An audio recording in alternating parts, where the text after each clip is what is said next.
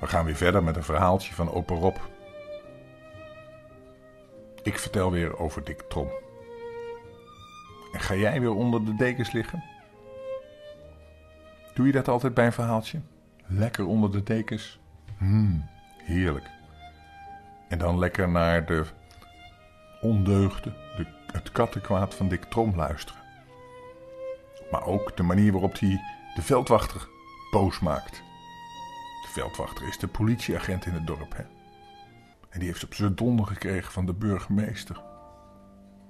Tja, het zijn allemaal wel donderse dingen.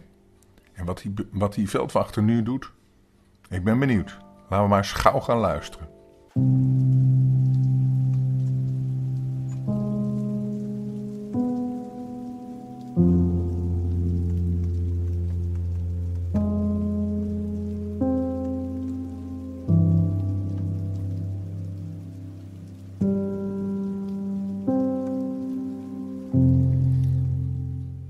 Dit verhaal heet Boontje komt om zijn loontje. Zou dat te maken hebben met bruin boon? Laten we nou maar gauw laten lu- luisteren. Toen het s'avonds donker geworden was, ging Flipse naar de tuin van Geurs. En ver- verborg zich in het kreupelhout in de boomgaard. Het regende hard, maar daar stoorde hij zich, niet aan. Die deugnieten, die zal ik krijgen.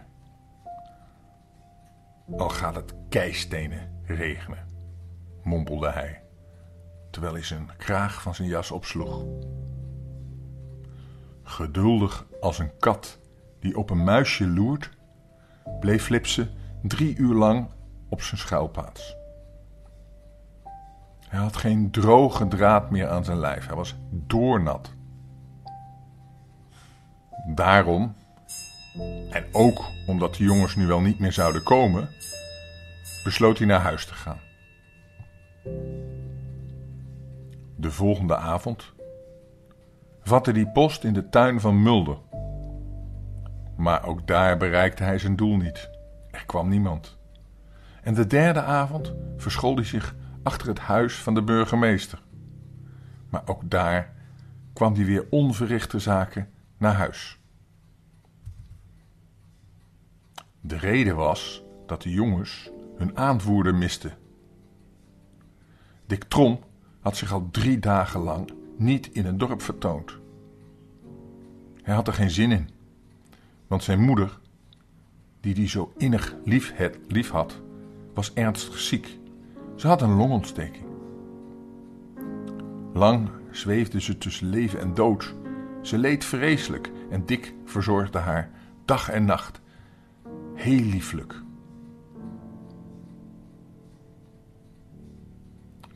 Hij ontzegde, ontzegde zijn nachtrust om bij haar te zitten waken. Dan blijf je aan iemands ziekbed zitten om hem te helpen. Hij was heel bang dat hij zijn lieve moeder zou verliezen. Hij was heel zorgzaam.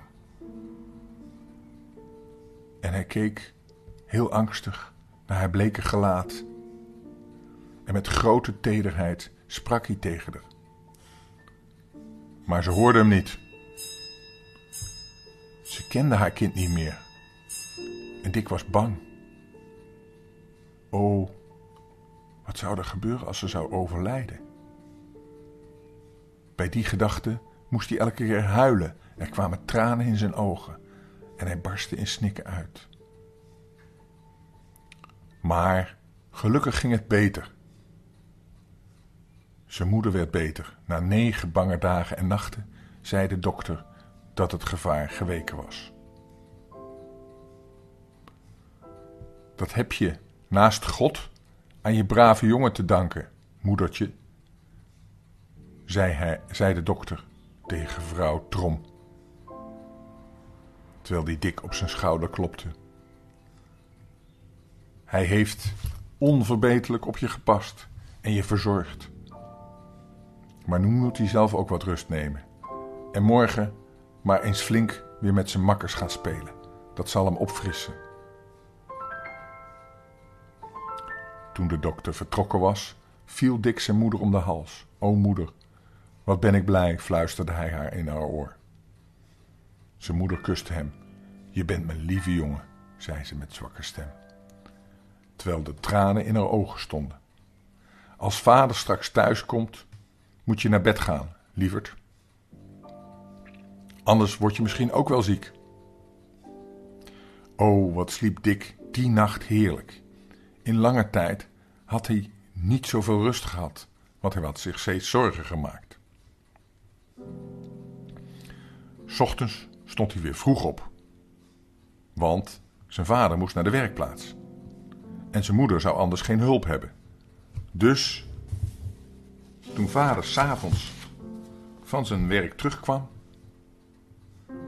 begaf Dick zich voor het eerst sinds de ziekte van zijn moeder naar zijn kameraden. Wel Dick, hoe is het thuis? vroeg Jan Vos. Nou, gelukkig weer veel beter. Mijn moeder is nog wel erg zwak, Jan. Ze is zwaar ziek geweest. Ja, ernstig ziek. Maar zeg, zeg jongens, we moesten nu maar eens een ander spelletje doen. Eigenlijk heb ik net een gevoel of ik. Of je ook ziek bent? riep Jan Vos hem in de reden. Hahaha, lachte Piet van Dril. Dik ziek? Dat kun je aan zijn dikke buik wel beter zien. Hij heeft de eetkoorts, riep Jan van Bakel. Nee, jongens, zei Dick. Ziek ben ik gelukkig niet. Nooit geweest zelfs. Maar toch heb ik een gevoel of ik nu of je. of ik wel een appeltje zou lusten. lachte de andere. Die is goed. Zo'n gevoel heb ik ook wel. Ik geloof zelfs wel dat ik er twee zou lusten. Hé, hey, dat is vreemd, lachte Dick. Ik zou er ook wel twee lusten. Als ze bijzonder lekker zijn, tenminste. Zeg jongens, zouden de bellenfleurtjes van Geurs al goed zijn? Verleden week waren ze nog een beetje wrang. Hoe weet je dat, Dick? vroeg Jan lachend. Ben je bij Geurs op visite geweest? Ja, en ik moet zeggen dat ik er een prettige tijd heb doorgebracht, zei Dick met een onnozel gezicht. En was Geurs vriendelijk? vroeg Jan van Brakel. Dat weet ik niet, Jan. Ik heb Geurs zelf niet gezien. Maar dat beviel me ook zeer goed. Er was zeker niemand van de familie thuis. Maar dat hinderde niet. Zo?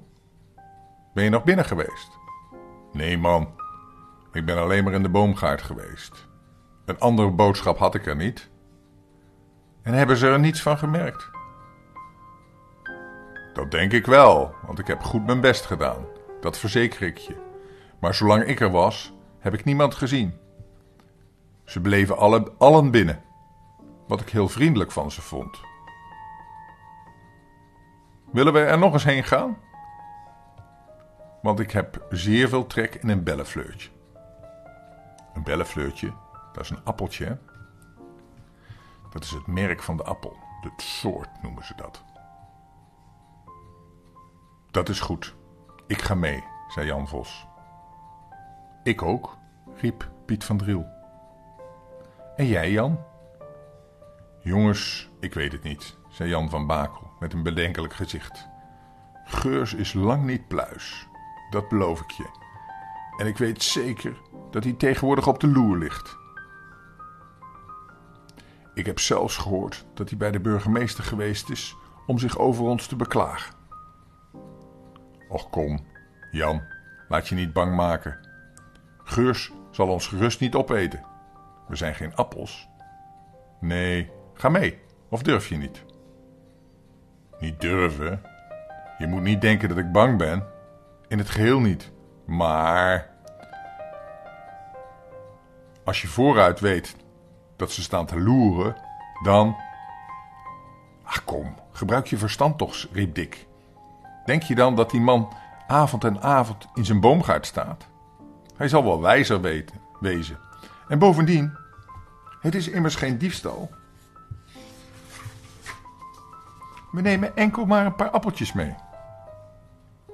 Dick verkeerde werkelijk in de veronderstelling dat het wegnemen van een paar appeltjes, vruchten, geen diefstal was. Hij zou het ver beneden zich zijn waardigheid gevonden hebben. Als hij een cent, waarvan hij de eigenaar kende, voor zichzelf zou houden. En een onrechtmatig verkregen knikker brandde hem in zijn zak. Maar hij zag er volstrekt geen kwaad in om hier en daar, als hij de trek in had, uit een boomgaard wat appelen of peren te kapen. Dick heeft gelijk, zei Jan Vols. Kom, zeg, ga maar gerust mee. Je bent in goed gezelschap, hoor. Nou, vooruit dan maar, zei Jan van Bakel. En daar ging het viertal, de brug over naar het schoolplein. Hier keken ze eerst behoedzaam rond om te zien of er ook onraad was. Ze staken toen het plein over en verdwenen in het elzenbosje. Daar liepen ze dwars door en toen waren ze nog alleen maar een sloot verwijderd van de boomgaard. Het was intussen vrij donker geworden. En vooral daar onder de bomen was het moeilijk om, voor je, om, om, om iets te zien. Zeg jongens, er is immers geen kou aan de lucht, fluisterde Dick. Ik hoor of zie niets, antwoordde de andere even zacht. Nou, dan maar over de sloot, zei ik.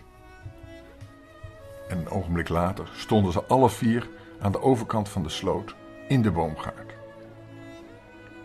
Jongens, zei Jan Vos, Dick moet maar beneden blijven, want hij kan het slechts klimmen. Maar als wij in de bomen klauteren, kan hij de appels oprapen en meteen een oogje in het zeil houden. Dat is goed. Dick hielp hen met zijn krachtige armen vlug in een van de prachtige appelbomen. En al spoedig rolden de appels bij tientallen op de grond. Dick raapte wat hij kon. Maar nauwelijks had hij er acht in zijn diepe zakken geladen, of daar klonk de stem van Geurs. Ha! schreeuwde deze. Daar heb ik je ze eindelijk, de appeldieven, de schelmen. Wacht, die kunsten zal ik je afleren. Trein, mijn geweer, gauw.